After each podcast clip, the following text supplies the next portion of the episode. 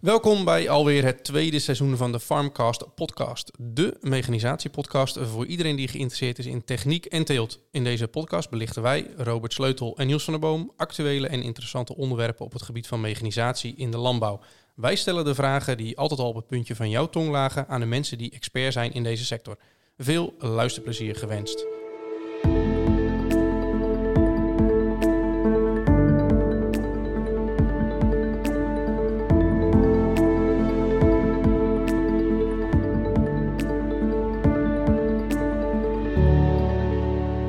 En eh, ja, Robert, uh, goedemorgen uh, voor ons.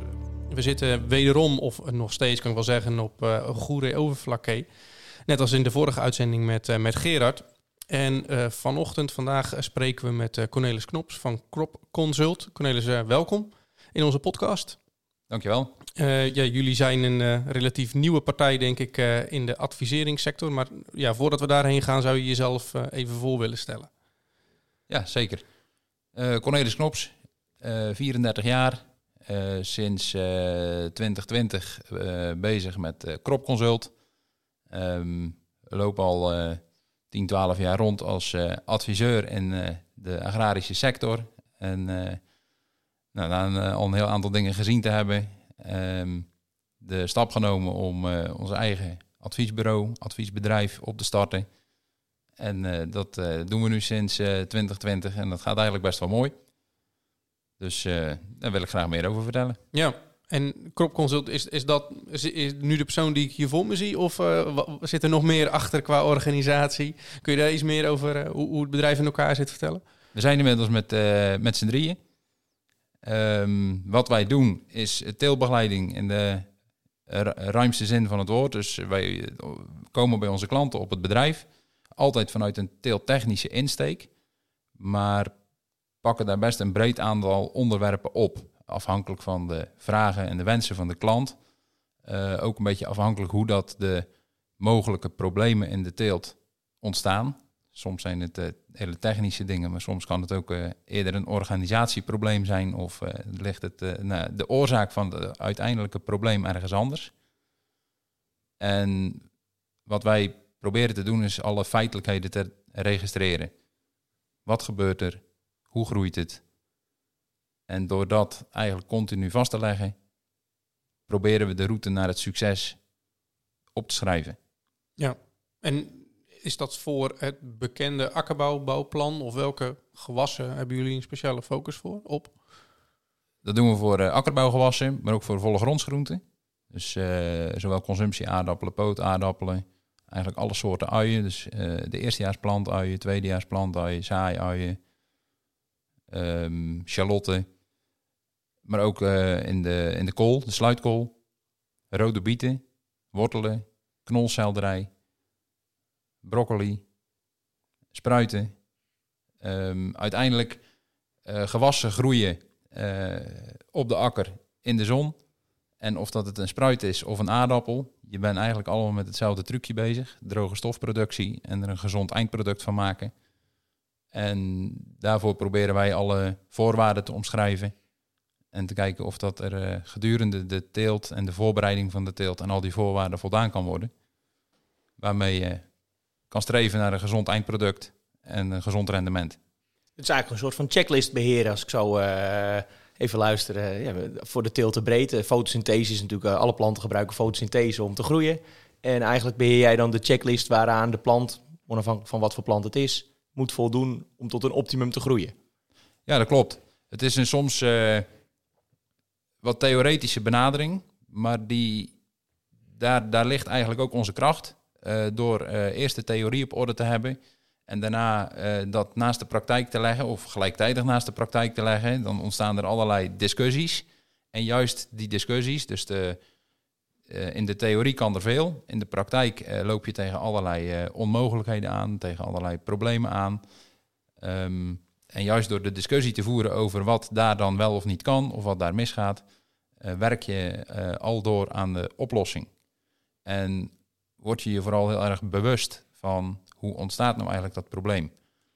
hoe ontstaat um, tabak en kool? Hoe ontstaat een te laag onderwatergewicht in aardappelen. Uh, hoe, hoe kom ik iedere keer, uh, hoe loop ik tegen datzelfde probleem aan? Waarom heb ik dit jaar heel veel loofgroei en had ik dat vorig jaar niet? Of juist andersom. En heel veel mensen zijn onbewust bekwaam. Um, dat is mooi. En nog mooier is als je ook bewust bekwaam wordt, want dan kan je het reproduceren. En dan kan je het volgende jaar misschien met andere maatregelen wel weer een goed resultaat halen. Omdat je dat heel erg afstemt op wat er op dat moment nodig is.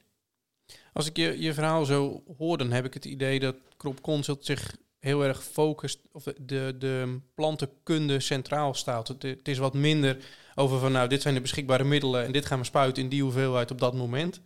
Uh, en wat meer echt aan het kijken van, nou, wat heeft nu de plant of wat heeft nu de bodem nodig. Klopt dat? Klopt. Omdat als je problemen wil oplossen, moet je niet aan de symptoombestrijding doen. Maar dan moet je de, de bron van het, uh, van, van, van het probleem opzoeken. En daar uh, ja, preventief aan de slag gaan. Uh, onze payoff is plan, meet, oogst, groei. Dat, zeggen, dat hebben we bewust zo opgeschreven. mensen zeggen dan, ja, maar groei komt toch voor oogst? Nee, we maken een plan. Dat plan wordt uitgevoerd. Wij meten, dus controleren hoe dat, dat gaat. Vervolgens wordt er geoogst. Door de teler wordt het product geoogst. Dus door onze klanten die oogsten hun product. Die moeten hun product gezond uh, in de schuur krijgen of bij uh, hun afnemer. Want dat is hun verdienmodel. Maar wij oogsten de data, de gegevens die we verzameld hebben. En daarna gaan we groeien. Want vanuit alle gegevens die we op een rij hebben gezet, worden we samen slimmer. En door het proces te kennen en te snappen, dus hoe groeit die plant? Uh, we hebben vandaag zoveel zonlicht gehad. Uh, wat had die plant vandaag kunnen groeien? Net als dat je eigenlijk uh, de opbrengst van je zonnepaneel kan zien, zou je eigenlijk ook de opbrengst van jouw plant van vandaag moeten kunnen zien. En stel dat hij dat dan niet gedaan heeft. Dus die plant heeft niet waargemaakt wat hij met dit zonlicht had kunnen doen. Hoe komt dat? En dat je dat afvragen, dat is de essentie van plantentelen. En dat is uiteindelijk ook het beroep waar wij in de agrarische sector, tenminste voor de, de akkerbouwkant, de, zeg maar de, de, de plantenteeltkant, waar wij mee bezig zijn. En misschien zijn we er ook wel een beetje vandaan gegroeid. En ik zeg wel eens positief kritisch bedoeld tegen onze klanten, jullie kunnen soms beter het etiket van je laselektrode lezen, waarmee je precies weet welke elektrode je voor welke staalsoort moet gebruiken om die, om die machine te maken waarmee je uh, die producten kan uh, verzorgen, kan oogsten. Hey, dus ook een mechanisatiepodcast, dus dat sluit ook heel erg aan. Um, maar uiteindelijk ben je bezig met plantenteelt, dus je verdienmodel. Dus zou het niet beter wezen als je je meer verdiept in het etiket van de plantenvoeding, de gewasbescherming, maar ook eens het etiket van de plant. Wat vraagt deze plant? Wat heeft hij nodig? Ja. Hoe moet ik ermee omgaan? Ja, je, ja, inderdaad. Je zegt terecht, inderdaad, zit in de intro de mechanisatiepodcast. We hebben het inmiddels wel heel breed inderdaad opgepakt. Dus we zien ook, ook, dit, ook het advies als een stukje een onderdeel, of mechanisatie, hoe we het noemen. Uh, digitale mechanisatie. Juist die, die aanpak die je nu beschrijft, is dat ook een, de sleutel van het succes? Want de wereld van advies, van advisering in de akkerbouw, is, is de grote koek is verdeeld door de, door de grote partijen. Jullie hebben daar toch je, je weg in gevonden. Ontstaat er meer ruimte de laatste jaren voor uh, adviseringsmanier die jullie toepassen, de benadering? Ja, wij zien daar wel steeds meer ruimte ontstaan. Onze klanten hebben eigenlijk een steeds hoger opleidingsniveau. Dus die, uh, dat, dat zijn meer managers als, uh, als ja, boeren, om het zo maar te zeggen. Niet dat boeren negatief woord is, maar het zijn echt wel veel HBO. ook mensen die in Wageningen gestudeerd hebben, die nu zelf een akkerbouwbedrijf runnen. En die vragen meer dan alleen een advies voor inzet van gewasbescherming. En de, de, de standaard uh, adviseur, om het zo maar even te benoemen, van een, vanuit een gewasbeschermingsleverancier of een meststoffenleverancier, die heeft een andere focus op het bedrijf van de klant. En die vult eigenlijk een andere behoefte in bij die klant dan dat wij dat doen. Um, je kan ons ook zien als de, de accountant van de teelt. Ja, dit sluit wel mooi aan bij bewust bekwaam, denk ik. Hè? Als je wat hoger opgeleid bent en je de, de uitvoering uh, trek je naar het land toe, uh, dan ben je in je eentje misschien niet bezig met bewust bekwaam, maar met de uitvoering. Terwijl dat je misschien ook wel wil sparren over ja, bekwaam zijn of uh, de bewustheid van een bepaalde uitvoering of een verbetering door te voeren. Ja, je ziet dat die, uh, de, de, de manager, de teler, de, de akkerbouwer, die moet op uh, best veel schaakborden tegelijk zijn zetten doen. Dus die is personeel aan het managen, die is zijn financiering aan het regelen, die is met handel en afzet bezig, met inkoop. En ja, wij, wij bekommeren ons dan om hoe het groeit. En um, als je door een perceel rijdt, kun je dus concluderen, het staat er mooi bij. En mijn vraag is dan, wat is mooi? Uh, hoeveel gram blad moet er op een rode biet staan om een gezonde biet te leveren? En hoeveel blad moet er op een ui staan om die ui uh, 90 mm te krijgen in doorsnee? Want dat zoekt jouw afnemer. Dus dat moet je maken. En hoe krijg je dat voor elkaar? En welke maatregelen moet je daarvoor nemen? Dus door een hele specifieke doelstelling te hanteren, kan je een nog beter plan maken en nog beter sturen. Ja, en als ik het goed begrijp, jullie dienstverlening is, moet je dus vooral inderdaad zien naast uh, het traditionele, om het zo maar even te zeggen, van de partij die de meststoffen levert en, en die de kannen met gewasbeschermingsmiddel levert. En jullie kijken inderdaad vooral naar inderdaad de potentie en, en waar valt de winst te behalen en waar moet je bijsturen. Ja, wij zien wel dat die bedrijven uh, leveren hun producten, hebben ook uh, echt wel kennis in huis en hebben daar ook een, een, een, mening over hoe dat het een en ander moet. En dat doen ze ook goed. Uh, wij bevinden ons wel op een ander vlak, waarbij we echt ja, concreet data verzamelen. We doen dat fysiek, dus wij bezoeken alle percelen waar we bij betrokken zijn. Die bezoeken we minimaal iedere 14 dagen. In kritische periode nog vaker. En daarbij doen we echt fysiek een, een, meting aan het gewas. Dus dat kan zijn dat we 10 planten uit de grond halen. En je probeert dan uh, een, een, representatief monster te nemen. Uh, waarmee je een beeld kan geven van hoe het op dat moment groeit. Um, wij ontwikkelen ook allerlei modellen. Dus wij hebben een groeimodel met een ideale groeilijn. Waarbij we rekening houden met instraling van de zon, temperatuur, vocht. Waarbij we weergeven van nou, je mag vandaag verwachten dat, um, dat er op jouw uh, uh, 45 gram blad zou staan. Want dat zou rond deze groeidag wel moeten. Uh, laten we het eens controleren. Nou, dan leg je die plant op de weegschaal. En dan weet je al vrij gauw aan welke kant van de streep dat je staat. En dat bepaalt dan voor de komende 10, 14 dagen wel wat er moet gebeuren. En als je dan al die vrij intensief die metingen doet en je gaat wegen en je bezoekt al die percelen.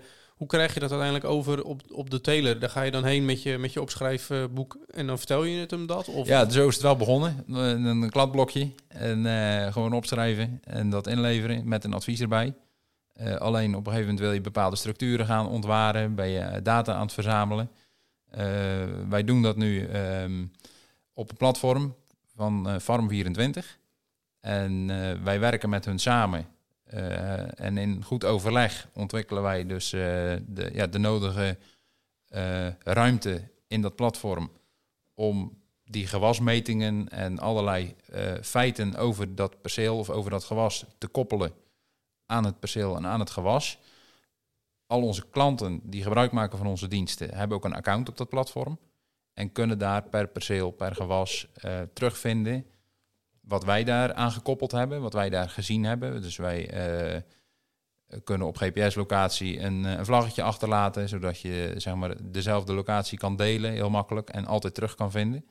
Maar ook foto's, uh, PDF-bestanden, alles wat eigenlijk in en om de teelt hoort en erbij hangt, dat koppelen we daar.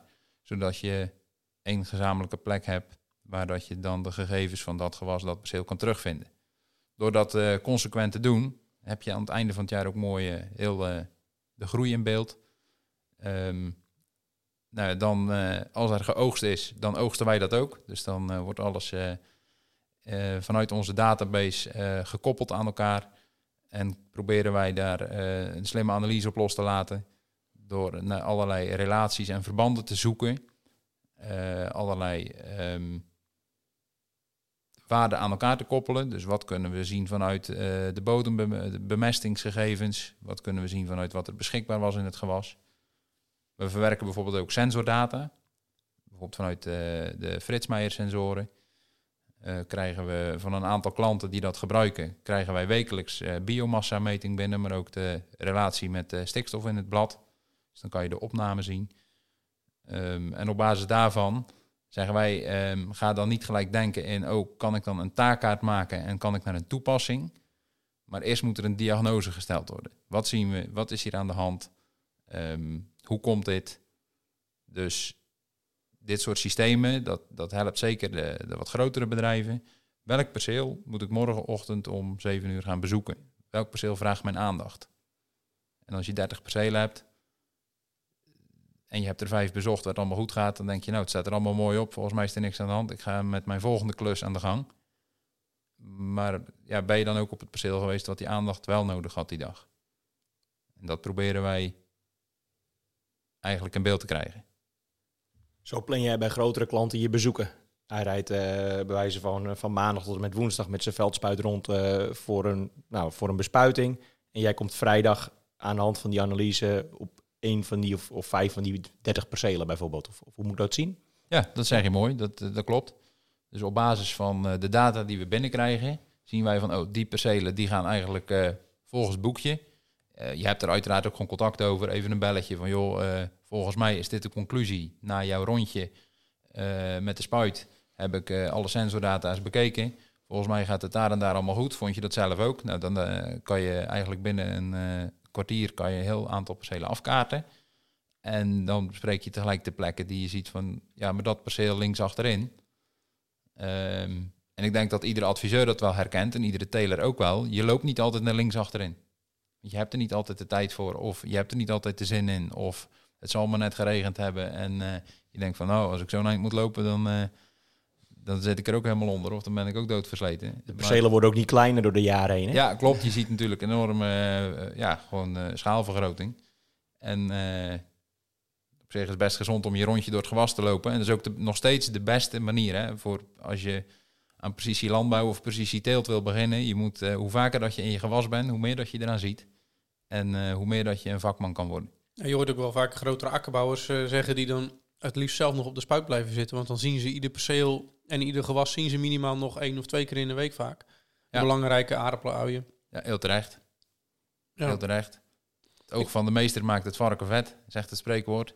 Dus je moet er zelf zijn ja. om ja, continu te checken of dat het goed gaat. En als je gemiddeld praat over een, uh, een teelt met 100 tot 150 groeidagen, dan zou je kunnen stellen dat iedere dag uh, zeg maar een procent opbrengst is.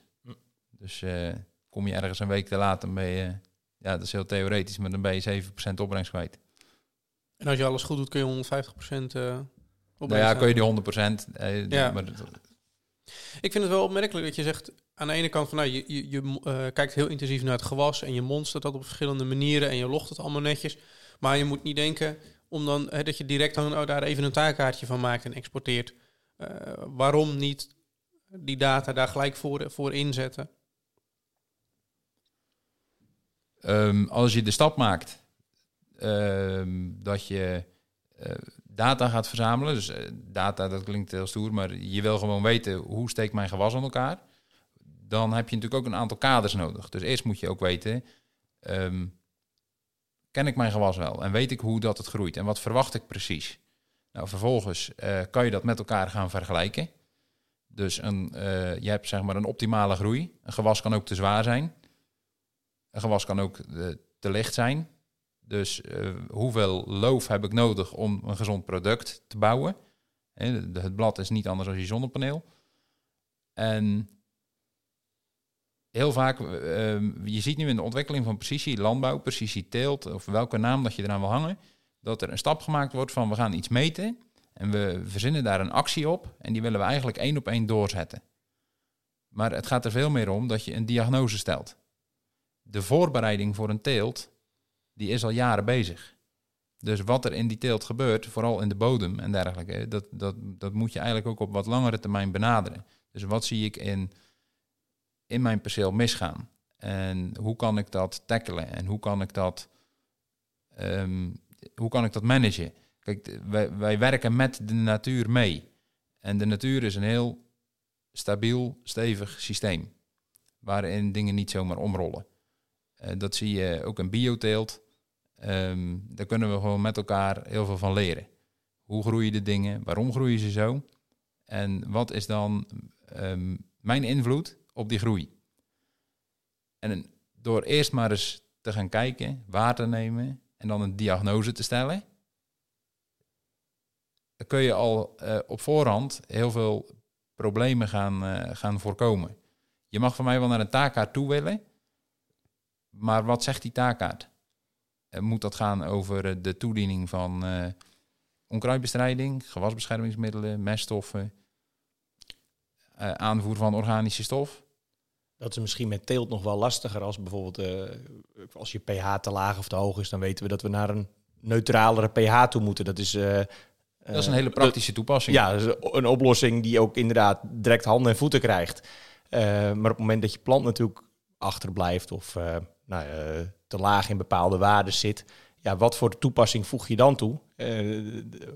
dan is een taakkaart misschien niet de oplossing, maar een perceelsbreed juist wel de oplossing. Ja, en je kan het ook zien als je kan het wel eens. je hebt de, de vergelijking van de regenton. En de, de kortste duig die bepaalt eigenlijk de inhoud. Net zoals op het eh, blaadje van je grondonderzoek. Ja. Ja. Dus um, ben je dan aan het kortste plankje aan timmeren met die taakkaart?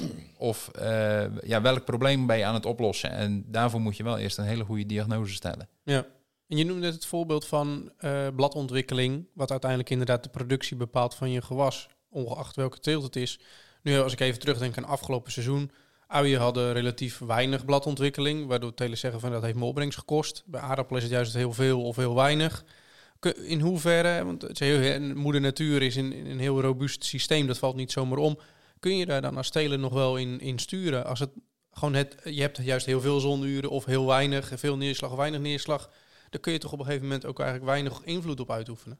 Nou, 2022 was natuurlijk een jaar waarin je potentiële productie uh, heel hoog is geweest. Vanwege instraling, Vanwege veel, veel instraling.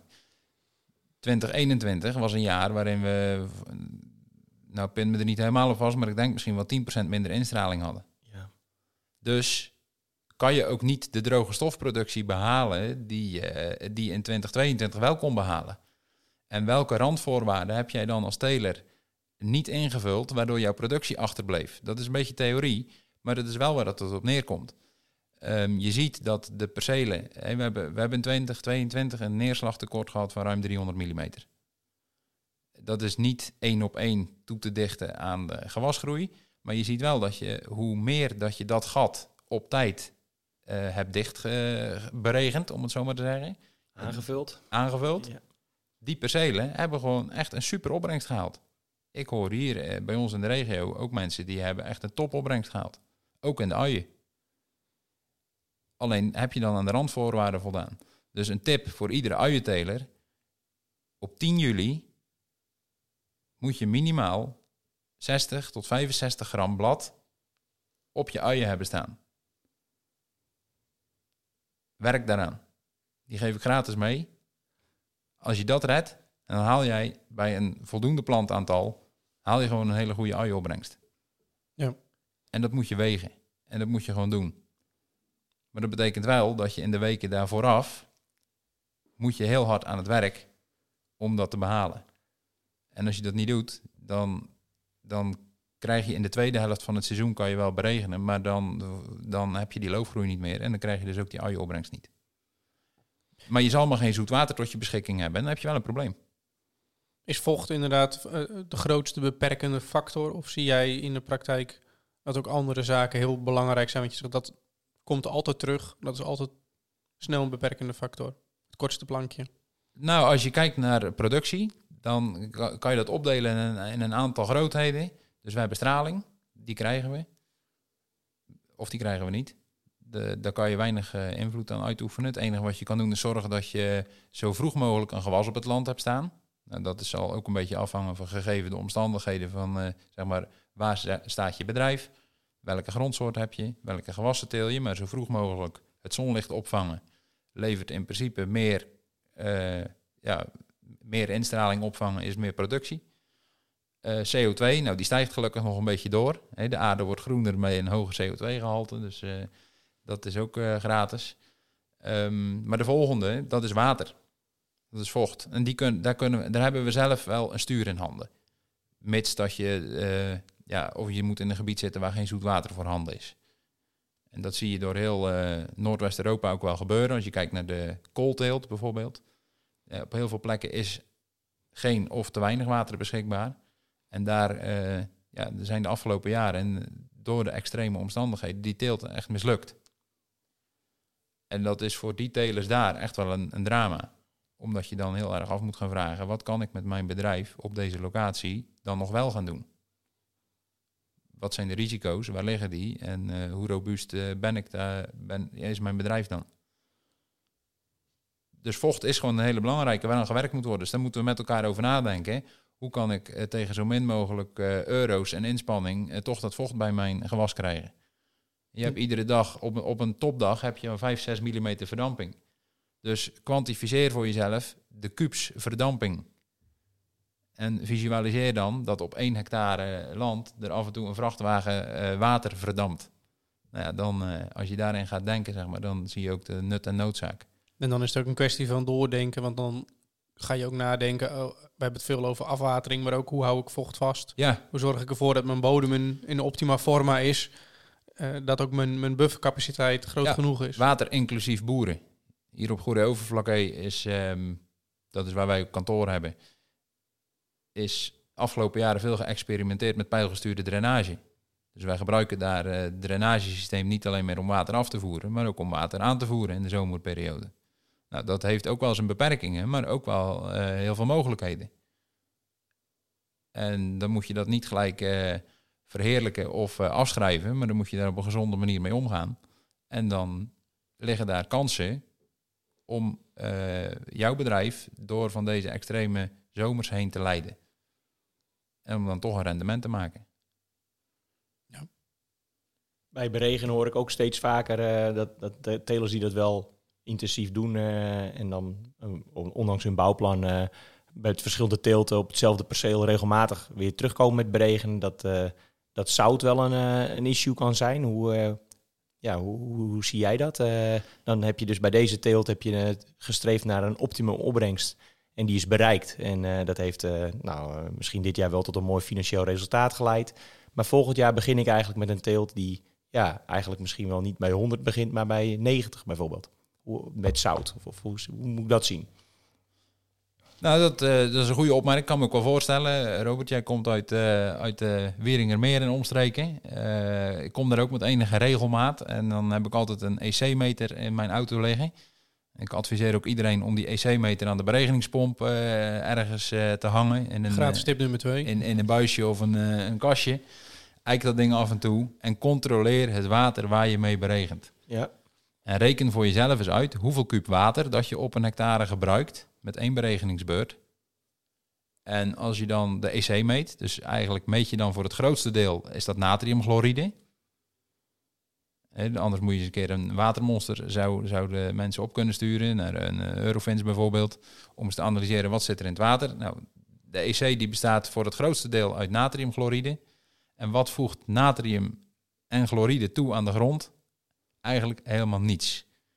En dan zie je ook dat, ehm, dat dat door de jaren heen wel een probleem wordt. Want de afgelopen vijf jaar zijn er percelen die hebben zeg maar gemiddeld drie, vier beregeningsbeurten per jaar gehad. Dus die zijn in vijf jaar tijd zijn die eh, tussen de 15 en de 20 keer beregend. En dat gaat echt heel hard. En dat gaat over heel veel kubus water. Dus dat gaat ook over heel veel kilo's natriumchloride.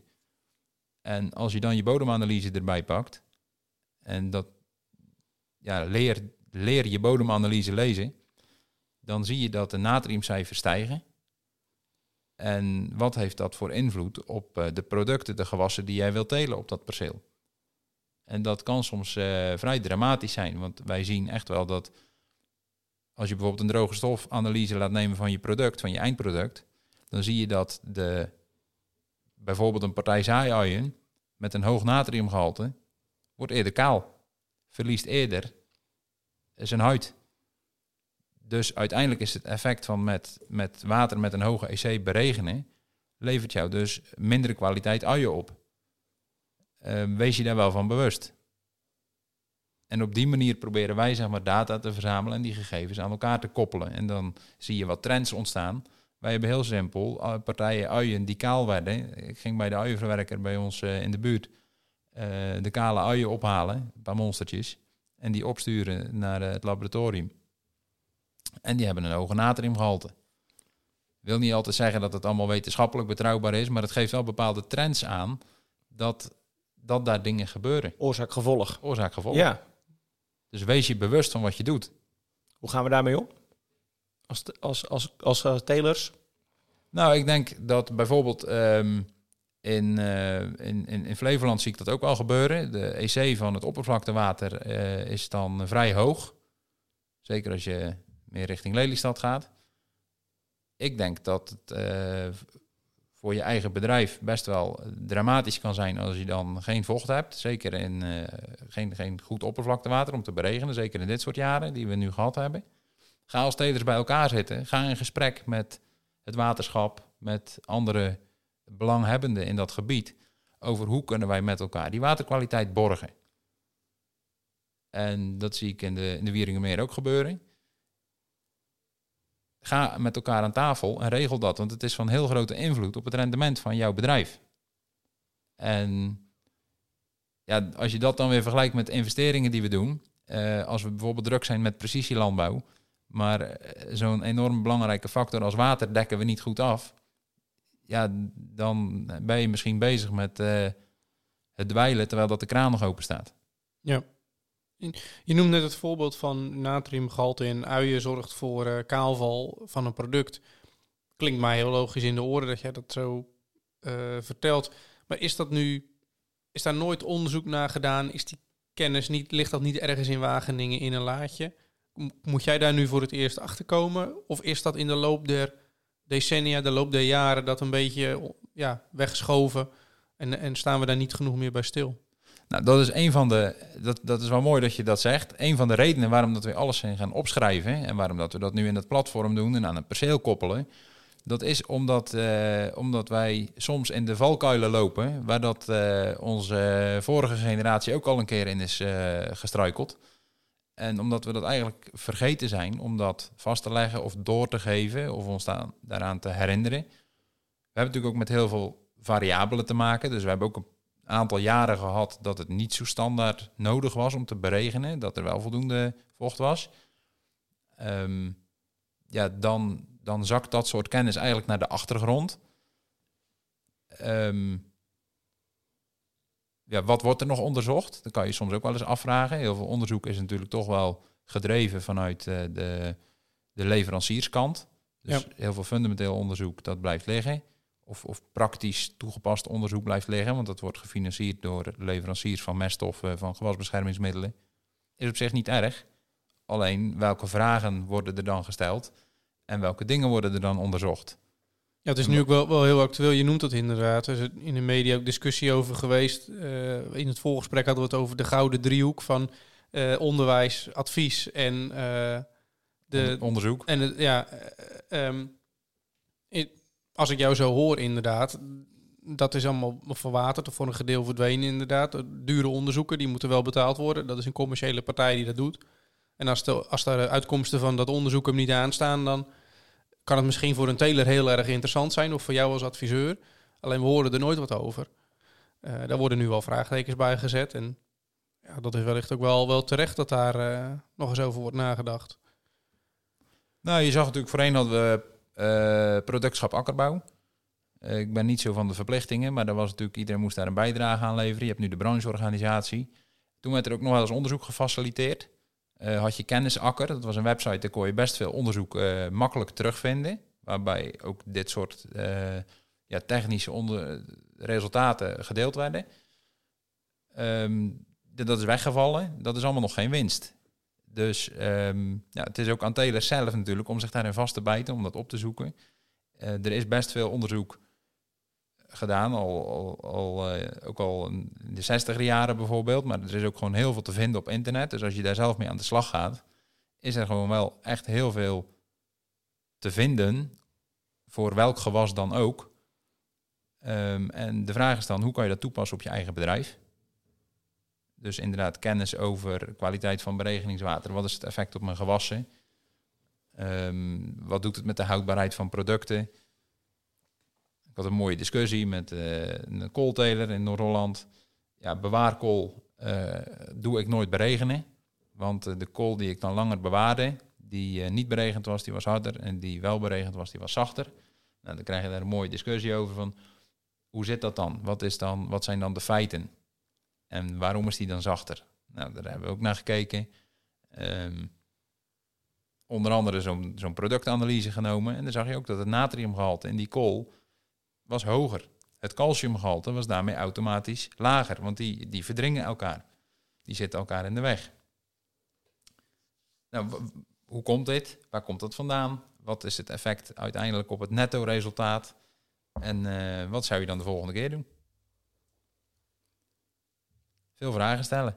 Ja, ik, ik voel handen, handvaten probeer ik te zoeken. Dus je hebt uh, nou, je kropconsult, wat je, het bedrijf, daar kom je mee langs, zeg maar. Daarnaast gebruik je Farm24 om, zeg maar, uh, wat jouw bevindingen zijn in een perceel of wat een agrariër doet, vast te leggen.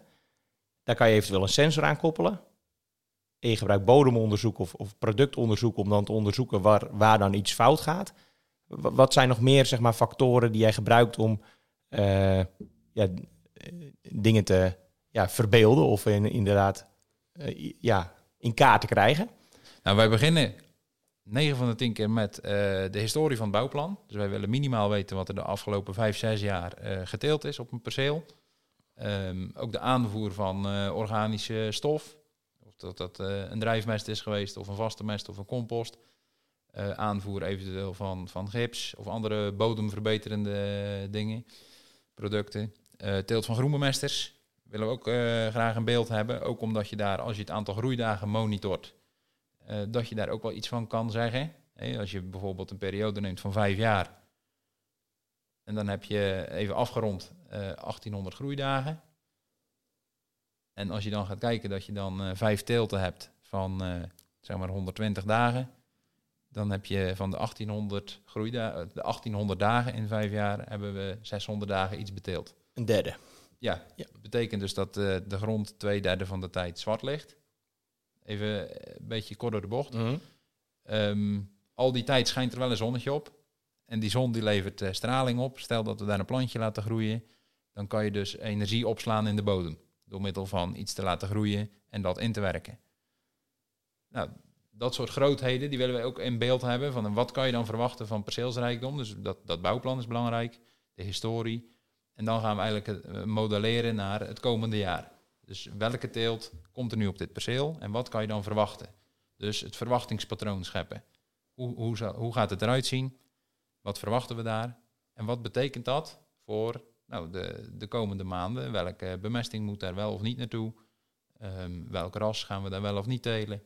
En zo proberen we stapsgewijs heel dat plan op te bouwen. Dus dat is eigenlijk het winterwerk.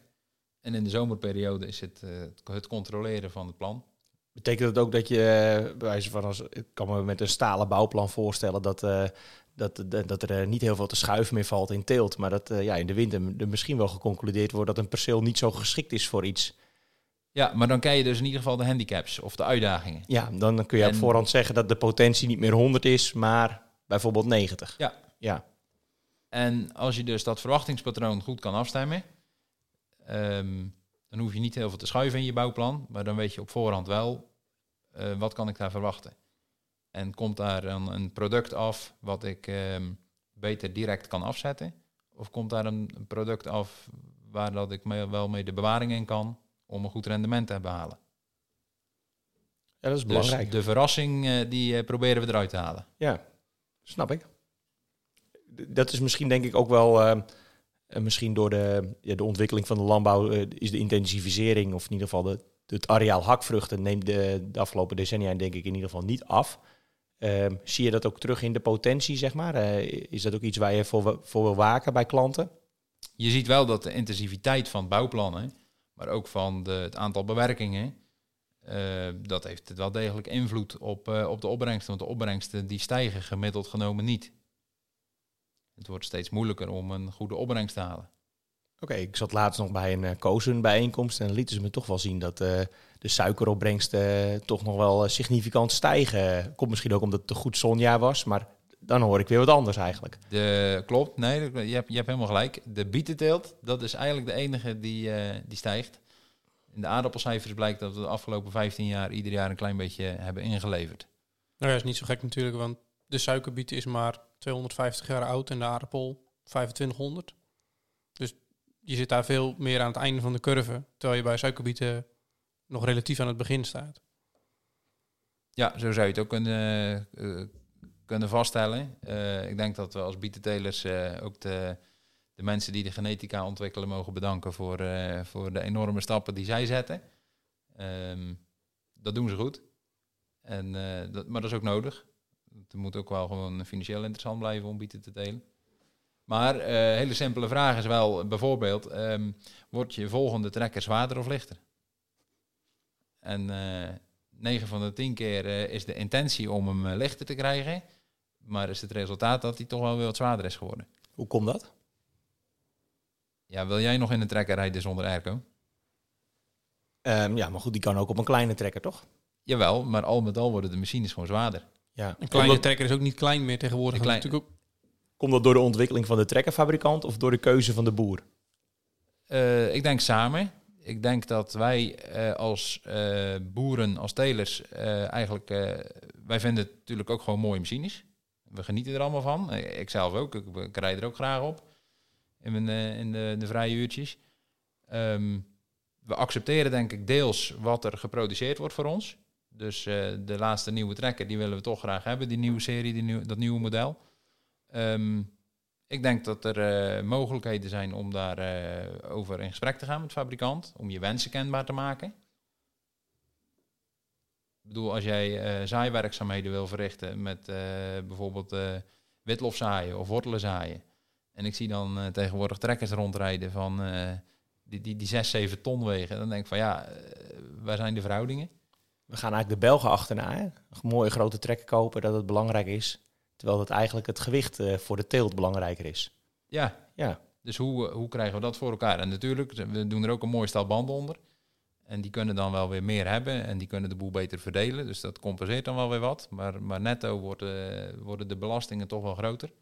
En dat is ook niet, uh, ja, dat, dat helpt niet per se de goede kant op snap wel dat we het nodig hebben. Dus een stukje capaciteit, uh, het werk moet gebeuren, minder mensen, grotere arealen.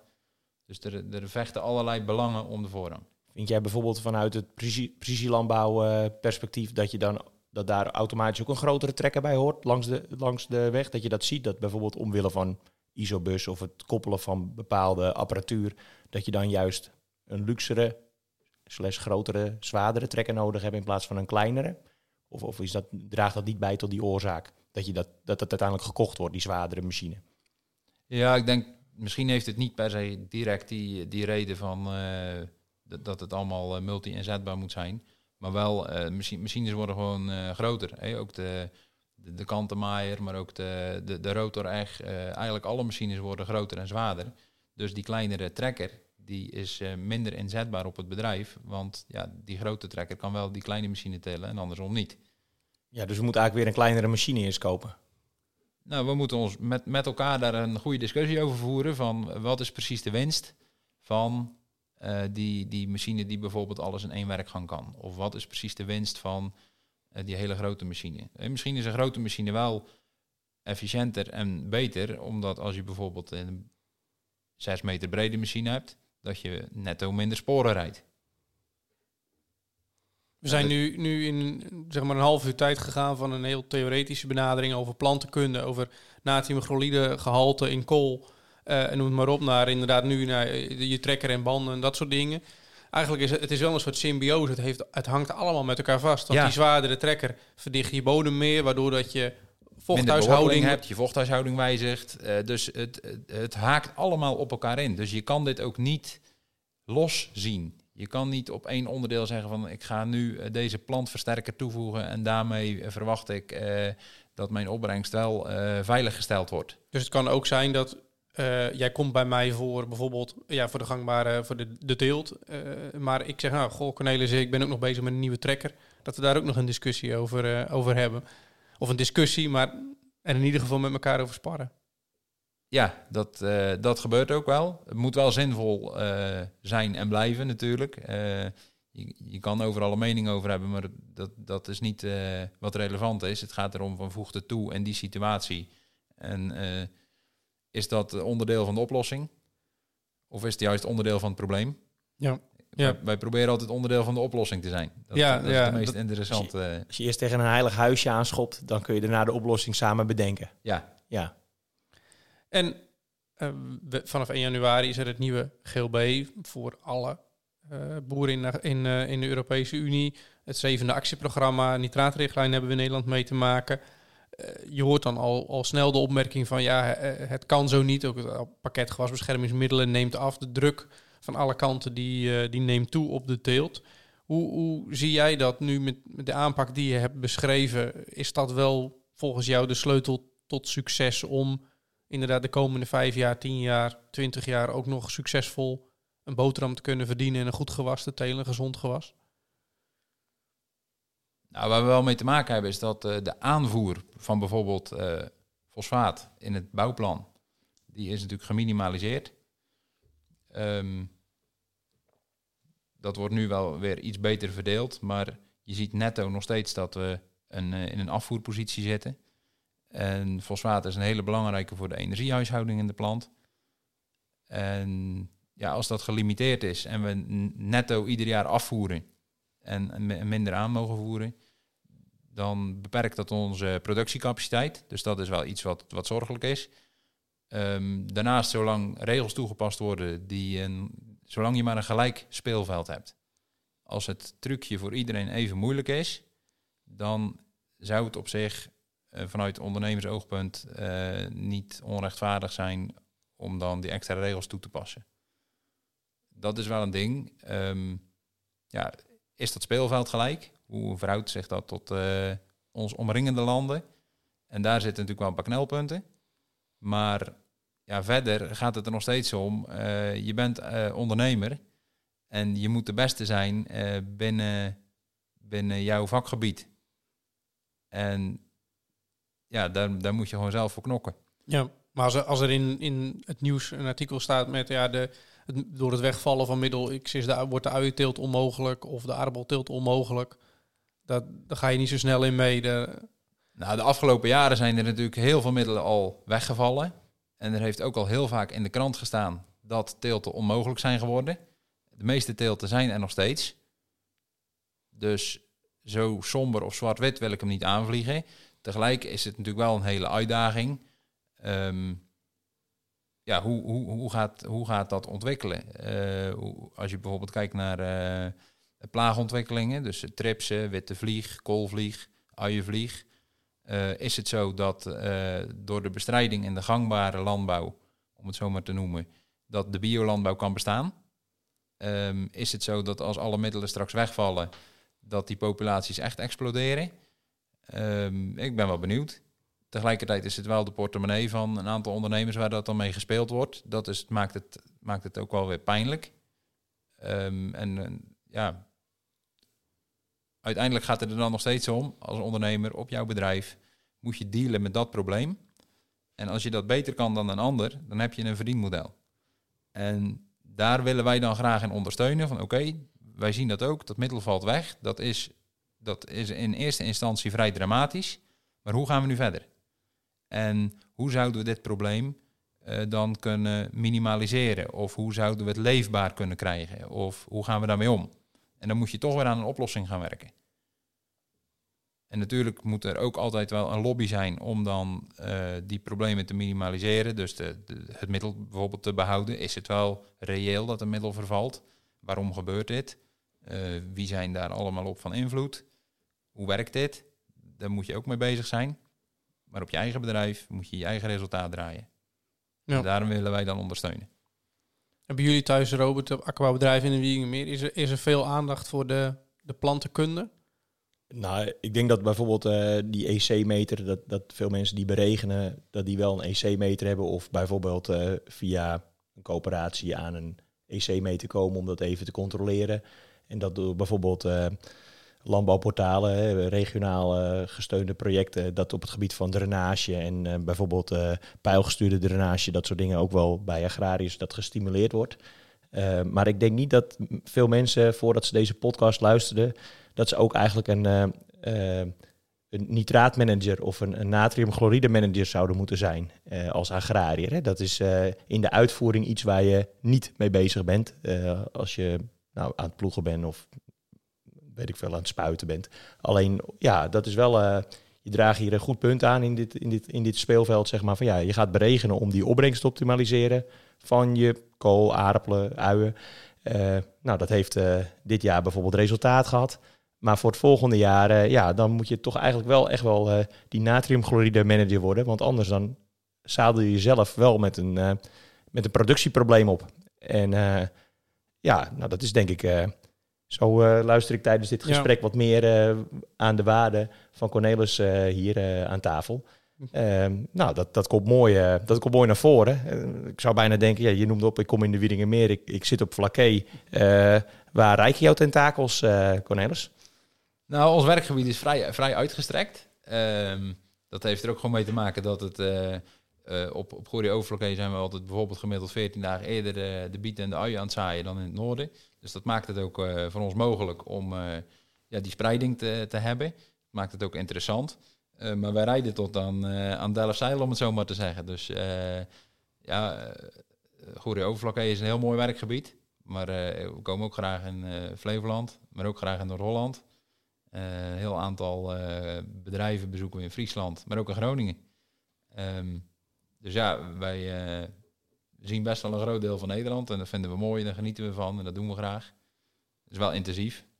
Maar, dat kan ik me ook voorstellen, want aan de ene kant, als ik zo het praatje beluister, zeg maar, dan ja, je komt eens in de 14 dagen, dan probeer je soms wat intensiever. Maar als ik wekelijks met mijn veldspuit met mijn sensor rondrij, of als ik, als ik die zou hebben, dan heb ik wekelijks data. En als ik maar ja, 100 of 150 groeidagen hebt en jij komt maar eens in de twee weken, dan uh, kom je maar tien keer in een seizoen. Nou, in het begin na het zaaien of planten valt er nog niet zo heel veel te zien. Dus uh, ja, leuk dat je komt, maar dan kunnen we nog niet iets handen en voeten geven. Uh, dan is eigenlijk het aantal keren dat je komt en dat we kunnen sparren tijdens de teelt eigenlijk ook maar beperkt, hè? Nou, dat, nee, dat, dat valt mee. Dat valt mee. Dat, Kijk, als je kijkt naar uh, rond het zaaien en opkomst, dan is er heel veel te beleven in die periode. Want daar wordt je opbrengstpotentie bepaald. Hè, je, je plantaantal. Kijk maar in, uh, in zaaiuien. We zijn steeds harder aan het vechten met elkaar. We zijn iets meer, zaai, uh, we zijn iets meer zaden per vierkante meter gaan zaaien. En we houden netto iets minder planten over. De voorjaren worden beduidend ingewikkelder. Hoe gaan we daarmee om? Dus ja. in die periode is het al, is het al heel goed om wel op het perceel te zijn. Maar daarnaast gebruiken we en daarom hebben we daar ook in geïnvesteerd. Uh, het Farm24-platform, waarin wij um, ook allerlei slimme technieken toepassen. Bijvoorbeeld um, de vochtbalans. Wij hebben per perceel een overzicht. Uh, wat mag ik verwachten van de vochttoestand, bijvoorbeeld op jouw perceel? Dus we maken daarbij gebruik van informatie uit uh, de ondergrond. Wat mag ik verwachten aan capillaire werking? Wat is het grondwaterstandniveau? Hoe meet je dat? Of hoe, wat zijn je basiswaarden? Nou, er is open data, bijvoorbeeld uit uh, de BOVAC of de ondergrondkaart van Nederland, uh, waarbij uh, per regio, maar ook binnen de regio's, vrij nauwkeurig is weergegeven hoe dat, dat in elkaar steekt per perceel. Dus daar kan je een model van maken. Dat hoeft niet tot op de millimeter nauwkeurig te zijn, maar dat geeft wel de trend aan. Wat mag ik verwachten op jouw perceel? Dus wij hebben daar een ranking van en ik heb thuis of op kantoor op de computer heb ik al een overzicht van in die regio, op die percelen, daar uh, ontstaat de komende vijf dagen een gebrek. Dus ik hoef daar niet per se te zijn. En toch ga ik jou bellen en zeggen van joh, uh, Robert, hoe uh, kijk jij daarnaar? En 9 van de 10 keer zeg jij dan, of zeggen andere telers dan, nou, het valt nog wel mee en er komt zaterdag een buitje regen aan, dus ik kan dit wel overleven. Nou, als je alle projecten met um, beregenen, met vochtmeten van de afgelopen 20 jaar op een rij zet, wat is dan de conclusie? Eerder beginnen met kleinere giften en vaker terugkomen. Gratis tip nummer drie. En ik denk gelijk een mooie, mooie afsluiting omwille van de tijd. Ik denk dat, ja, ik kan me voorstellen, zeker voor de, voor de akkerbouwers, eh, veel dingen voorbij zijn gekomen waarvan ze, als ze jou horen vertellen, dat ze denken, ja, dat is inderdaad belangrijk. Maar goed dat je er ja, met je neus even op wordt gedrukt. Eh, en dat het inderdaad, wat we eerder al concludeerden, allemaal aan elkaar eh, samenhangt. Ehm, als mensen in, in contact willen komen met Crop Consult, hoe kunnen ze dat dan het beste doen? Ehm, ze kunnen ons altijd benaderen via de website eh www.krop-consult.nl. Eh, daar staan onze gegevens op. Ehm, je bent ook altijd welkom in, eh, in Oude Tongen. Wij huizen in de bewaarschuur van de toekomst. Dus dat is ook altijd goed om, eh, om daar even langs te komen. Ehm, ja, bellen, mailen. Altijd welkom. Ja, nou bedankt eh, voor je zeer interessante verhaal en over Crop Consult en jullie, eh, jullie werkwijze en jullie aanpak. En, Graag gedaan. Wie weet tot de volgende keer.